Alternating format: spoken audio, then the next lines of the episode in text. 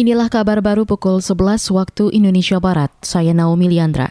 Presiden Joko Widodo menyambut kedatangan Perdana Resmi Australia yang baru terpilih, Anthony Albanese di Istana Kepresidenan Bogor hari ini. Kunjungan Albanisi di Indonesia ini untuk membahas kerjasama bilateral kedua negara. Dalam kesempatan ini, Albanisi juga membawa delegasi dari pemerintahan Australia. Kedua pemimpin negara itu juga melakukan penanaman pohon yang dilanjutkan dengan bersepeda bersama mengelilingi Istana Kepresidenan Bogor. Albanisi merupakan Perdana Menteri ke-31 Australia yang terpilih pada 21 Mei lalu. Kementerian Lingkungan Hidup dan Kehutanan mendorong pemerintah daerah menyediakan jalur khusus sepeda dan jalur bagi pejalan kaki pedestrian.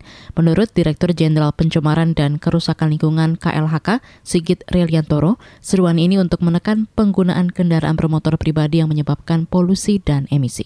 Kita mendorong pemerintah daerah untuk menyediakan jalur-jalur khusus untuk pesepeda uh, pedestrian yang bagus sehingga orang bisa jalan dan uh, mengurangi pergerakan dengan menggunakan uh, kendaraan pribadi.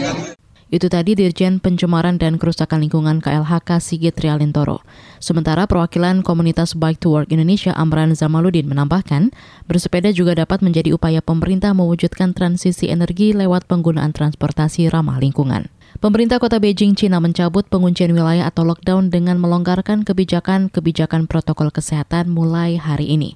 Kebijakan itu diambil setelah sepekan terakhir, otoritas China mengintegrasikan sistem transportasi massal dengan kartu kesehatan masyarakat yang juga tercantum data vaksinasi dan hasil tes PCR berkala. Dengan pelonggaran itu, restoran dan kafe di ibu kota diizinkan menerima pengunjung. Sejumlah toko dan pusat perbelanjaan di Beijing juga kembali beroperasi sejak kemarin.